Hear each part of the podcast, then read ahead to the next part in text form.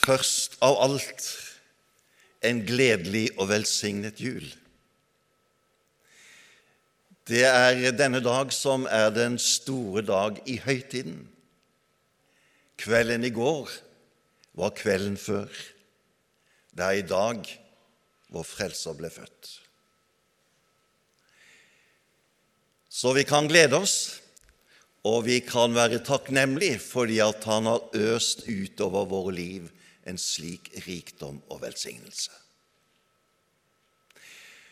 Og Prekenteksten på denne dagen den er da fra Johannes evangeliet kapittel 1 og versene 1 til 14, og jeg tror vi reiser oss når vi leser den sammen. I begynnelsen var Ordet. Ordet var hos Gud, og Ordet var Gud. Han var i begynnelsen hos Gud. Alt er blitt til ved ham. Uten ham er ikke noe blitt til. Det som ble til i ham, var liv, og livet var menneskenes lys. Lyset skinner i mørket, og mørket har ikke overvunnet det. Et menneske sto frem, utsendt av Gud. Navnet hans var Johannes. Han kom for å vitne. Han skulle vitne om lyset, så alle skulle komme til tro på ham. Selv var han ikke lyset men han skulle vitne om lyset. Det sanne lys, som lyser for hvert menneske, kom nå til verden.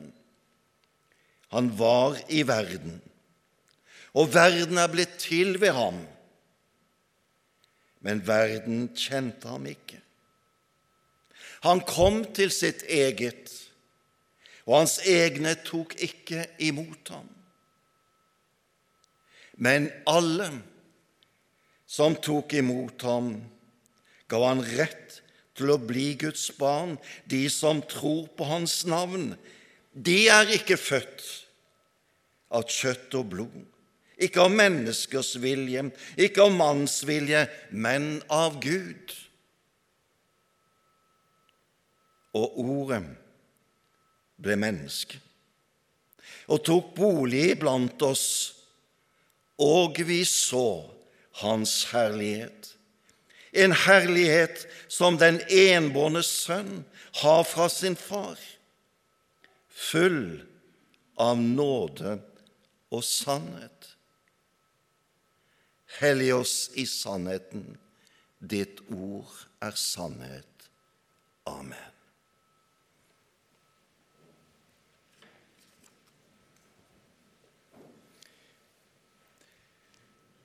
For de fleste av oss er det vel slik at det er fortellingen i Lukas evangeliet kapittel 2 som er den sentrale julefortellingen.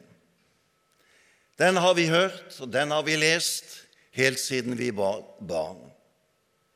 Den er fascinerende, den er spennende, og den er underfull, og den kaller på fantasi og innlevelse og samtidig så rommer den også mange tanker til ettertanke. Men nå har vi altså lest en annen tekst med en annen karakter,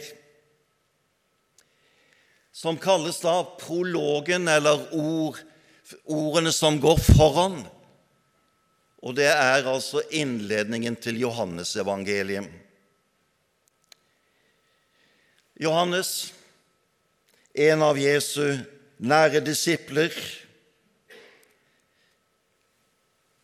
Han eh, sitter da i Efesus, sannsynligvis rundt omkring år 80 etter vår tidsregnings begynnelse.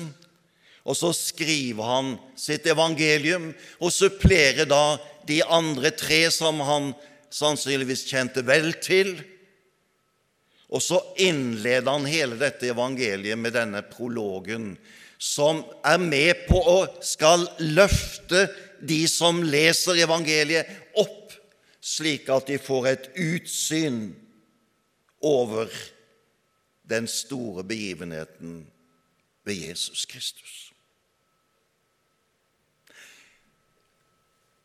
Johannes lever i Efesus, en by full av templer,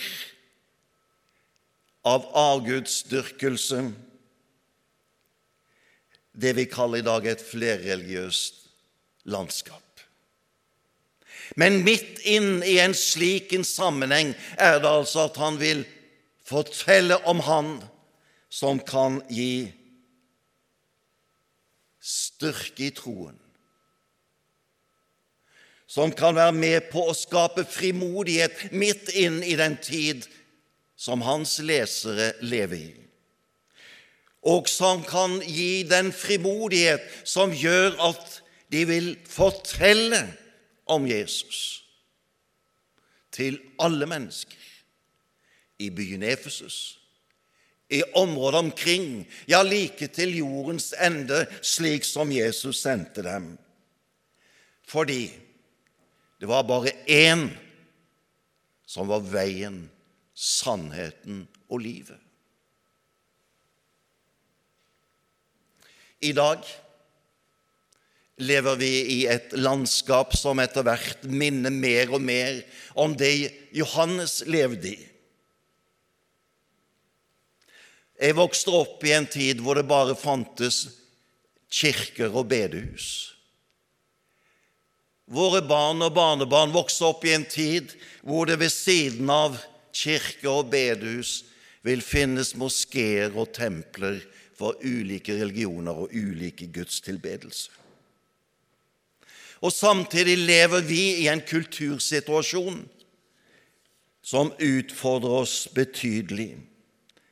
For stadig er det slik å registrere at folk skaper seg sin tro og sin religiøsitet i sitt eget bilde. Slik jeg tror, slik jeg mener, slik jeg forstår dem, og så blir det subjektivitet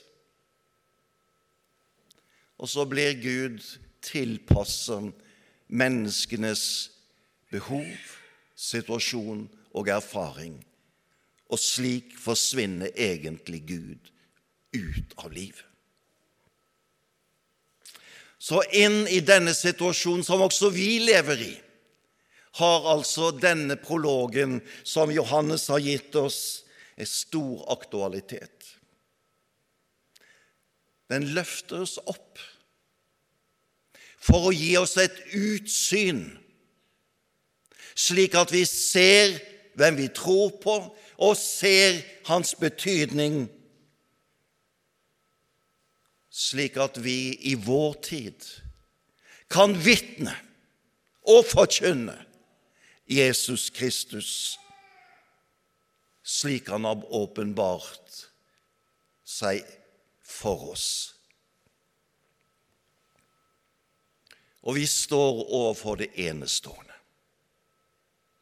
Og det understreker Johannes i disse versene gjentatte ganger. Han tar oss først med på en lang reise. Ikke til Betlehem denne gang, men langt av sted slik at han sier i begynnelsen var ord.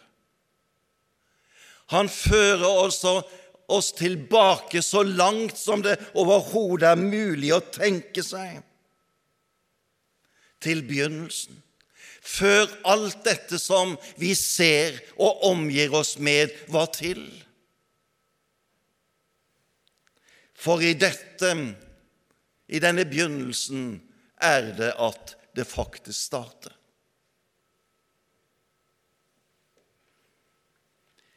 Han er hos Gud i begynnelsen. Han har sin opprinnelse der, før alt annet ble skapt. Han ble ikke Guds sønn da han ble født av Maria.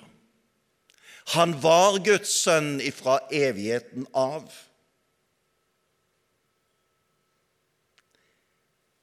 Og så opplever vi noe av det som jeg tror også Johannes kunne kjenne på, at når vi skal beskrive og uttrykke dette, så er det som om våre ord og uttrykk ikke fanger det helt opp. For vi er så begrenset av den erfaring og den sammenheng som vi selv befinner oss i, at det som var i begynnelsen, har vi så vanskelig for å begripe. Men så er det altså at Gud sprenger denne grensen ved at Han taler til oss og åpenbarer seg for oss, og dermed stiger ut av den skjulte verden og inn i vår verden.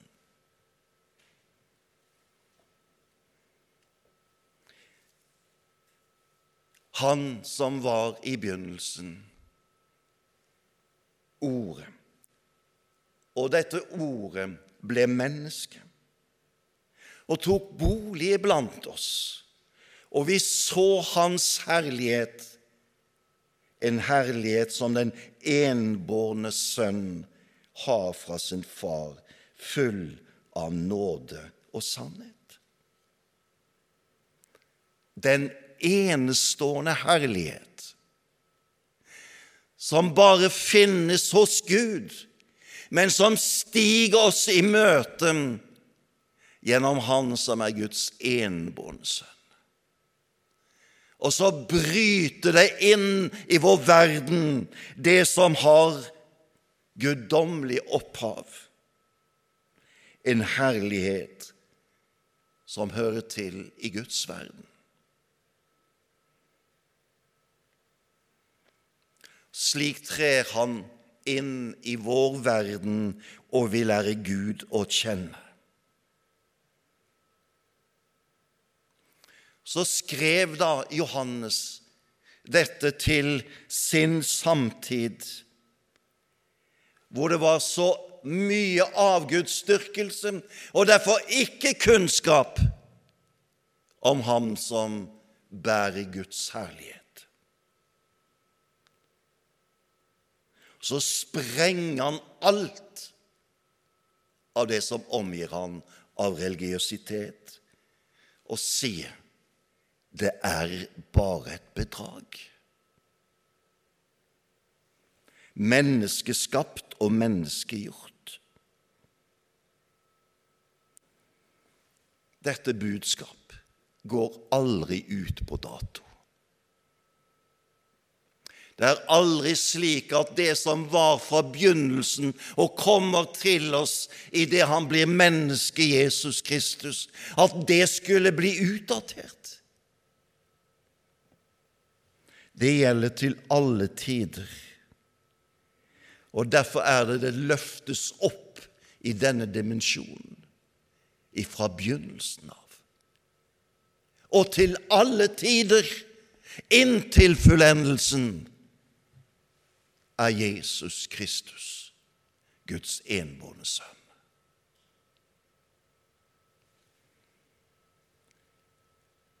Ikke noe sted kan romme ham.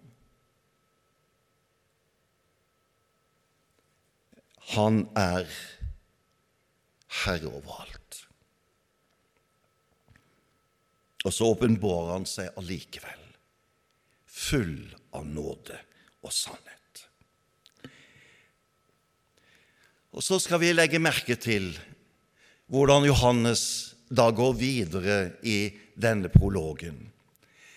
For det første som da Johannes taler om i dette utblikket som han gir, det ser vi i vers 3.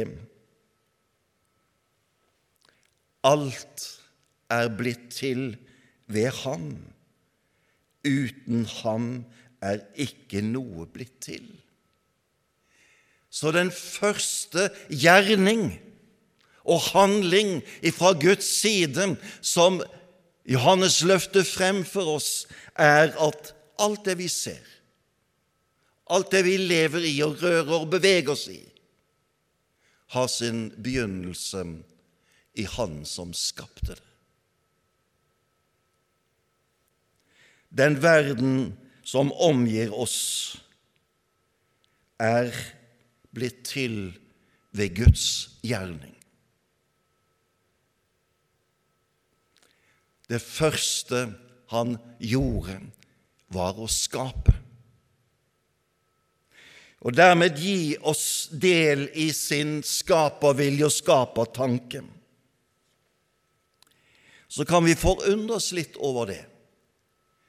At det starter med denne første gjerning, og i Johannes sin samtid støter han straks på motforestillinger.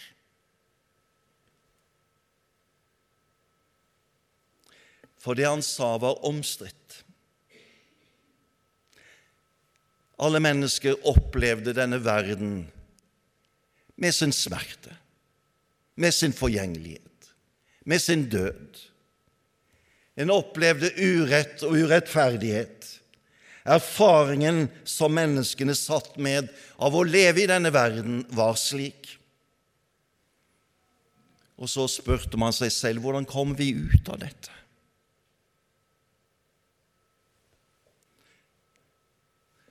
Og da tenkte man litt forskjellig. Og noen tenkte slik at alt dette skapte som omgir oss, og som vi erfarer daglig, det er bare ondt. Det er noe kroppen vår må bli befridd fra. Vi må søke det åndelige og uforgjengelige i en verden over oss utenfor oss. Og så tenkte filosofene slik at for å gi menneskene hjelp til å bevege seg ut av det skapte, så trengte de kunnskap som kunne forløse menneskets ånd til å stige oppover til det guddommelige. Og når de da hørte at Han som var Ordet, ble menneske, brøt det med alt hva de kunne tenke seg av hjelp og av frelse. Slik tenkte mange av datidens mennesker. Eller de tenkte på en helt annen måte, som også var en mer folkelig måte å tenke på, at denne verden som omgir oss, er full av guder det er guder i stormen, det er guder i torden, det er guder på merkelige steder, det er guder for alle erfaringer og livssituasjoner vi befinner oss i. Og dermed får vi et gudegalleri som menneskene i ulike situasjoner tilba og offer til. Så sier Johannes denne verden er skapt av Gud. Det er ingen Gud som er gått inn i denne verden og blitt på en måte en del av stormen, en del av uvær og del av alt det som vi ser og erfarer omkring oss. Gud går ikke opp i denne verden slik at vi må tilbe naturen og mennesker, eller hva det måtte være. Dette er skapt.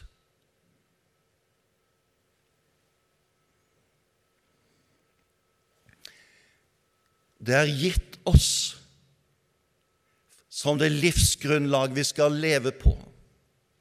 Og det er gitt en hensikt og mening fordi at mennesker er satt inn i dette skaperverket som forvaltere av Gud, for Gud, til å ta ansvar og til å leve i samsvar med Hans gode vilje.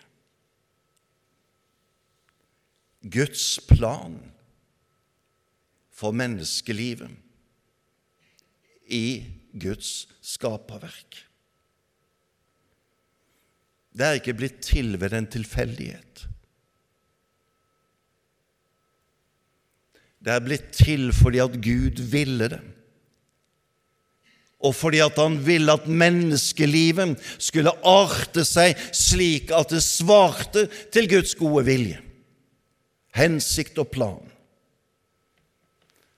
Og, og skaperverket er på en måte bygd opp og strukturert slik at mennesket skal kunne leve her, bo her og tjene Gud til Guds ære.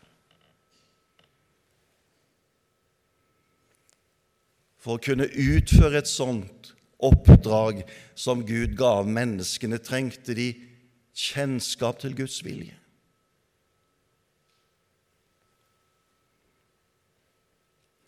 Kjennskapet til Guds plan, hva Gud tenkte. Og en slik kunnskap skulle menneskene få ved at Gud talte til dem, veiledet dem og førte dem på sine veier.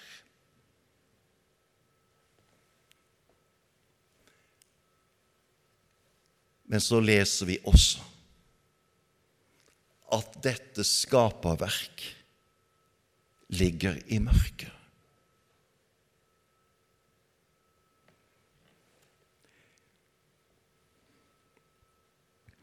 Mørket representerer de krefter som står Gud imot. For enhver bibelleser både den gang og i dag vet vi at dette henger sammen med at de første menneskene gjorde opprør mot Gud, og dermed lyttet til en annen stemme. Og dermed ble menneskelivet i skaperverket en kamparena mellom Gud, Guds motstander, den onde. Slik fikk mørket makt over menneskeliv og skaperverk.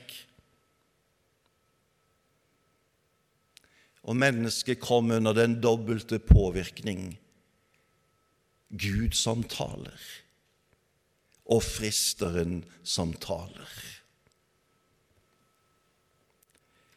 Slik lever vi, slik erfarer vi livet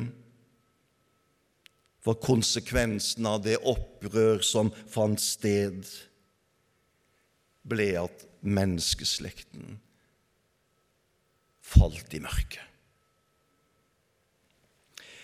Og det er dette som er bakgrunnsteppet for de ordene som også da står i denne teksten, nemlig at lyset skinner i mørket. og mørket har ikke overvunnet lyset. Det er altså en som stiger inn i denne verden, som ligger i mørket, som erfares av mørkets krefter, som er der som livets lys, og som gjør at livet på skaperens jord kan endre karakter fordi han kom og ble menneske. Han kom utenfra og til oss. Han er sterkere enn mørket. Og I åpenbaringshistorien hadde Gud mange ganger talt til menneskene slik som Hebreabrevets forfatter innleder sitt brev og sier mange ganger og på mange måter har Gud i tidligere tider talt til fedrene gjennom profetene, men nå, i disse dager, har Han talt til oss gjennom Sønnen. Ham har Gud innsatt som arving over alle ting, for ved ham skapte Guds verden. Han er utstrålingen av Guds herlighet og bildet av hans vesen, og han bærer alt ved sitt mektige ord. Mange ganger hadde Gud talt, men aldri slik at den fullkomne frelse var til stede, fordi at den kom med Han som er Gud og menneske i samme person. Lyset som bærer sannheten, som bærer nåden og frelsen med seg, kommer ved Han som er Guds enbårne sønn og er enestående. For bare gjennom Han kan det skapes en frelse som forløser mennesket ifra mørket.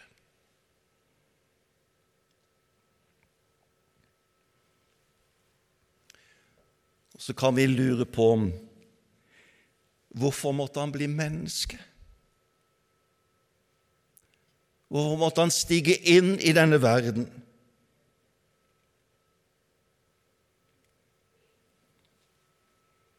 La meg si bare kort litt om det. Han kommer til menneskene som opplever de mørkets krefter som holder mennesket fast.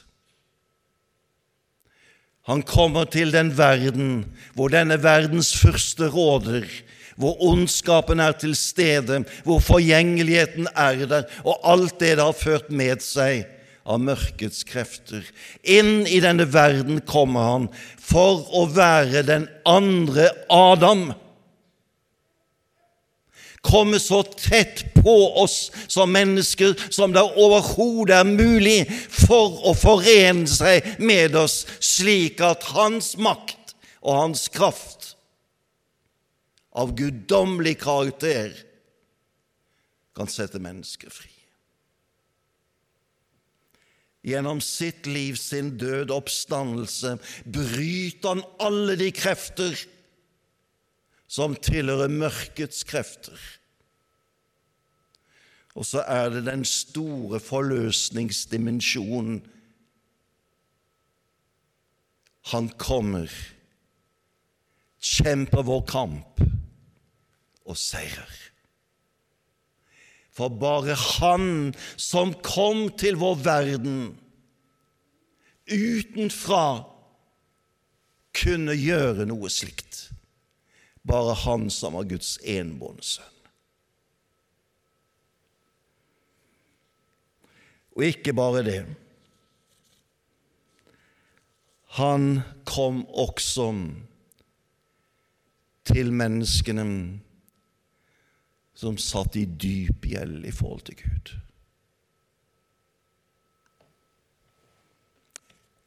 Menneskene hadde fått et gjeldsbrev på seg som de ikke makter å betale seg ut av. Og så kommer han inn i den verden som vi lever i blir prøvd i alt i likhet med oss, kjenner fristelsene på kroppen, kjenner alt det som denne verden bærer med seg. Og så kommer han for å leve vårt liv, slik at han kunne si jeg gir mitt liv for menneskene. Han går i dommen og døden for vår skyld.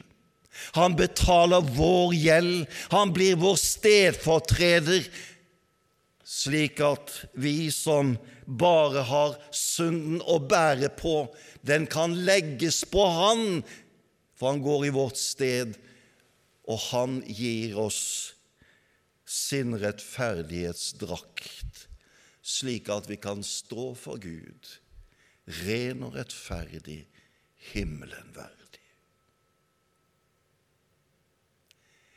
Bare Han som ble menneske, kunne gjøre det. For bare Han kunne gå i vårt sted og være vår frelser.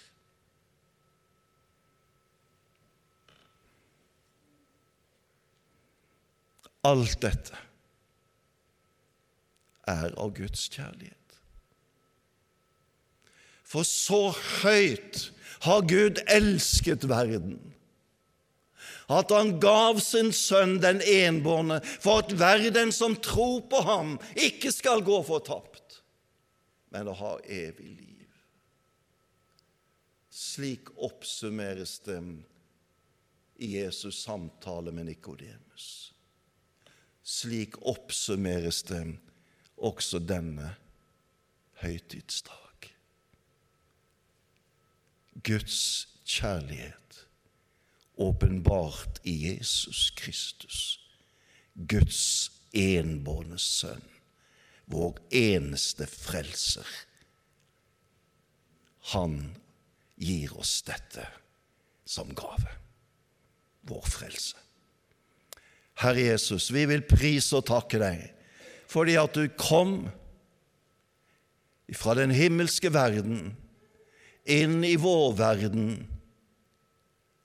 gikk unna våre kår, ble prøvet og til slett drept for vår skyld. Vi priser deg, Herre, for din oppstandelse og det håp og det fremtid som du gir oss. Amen.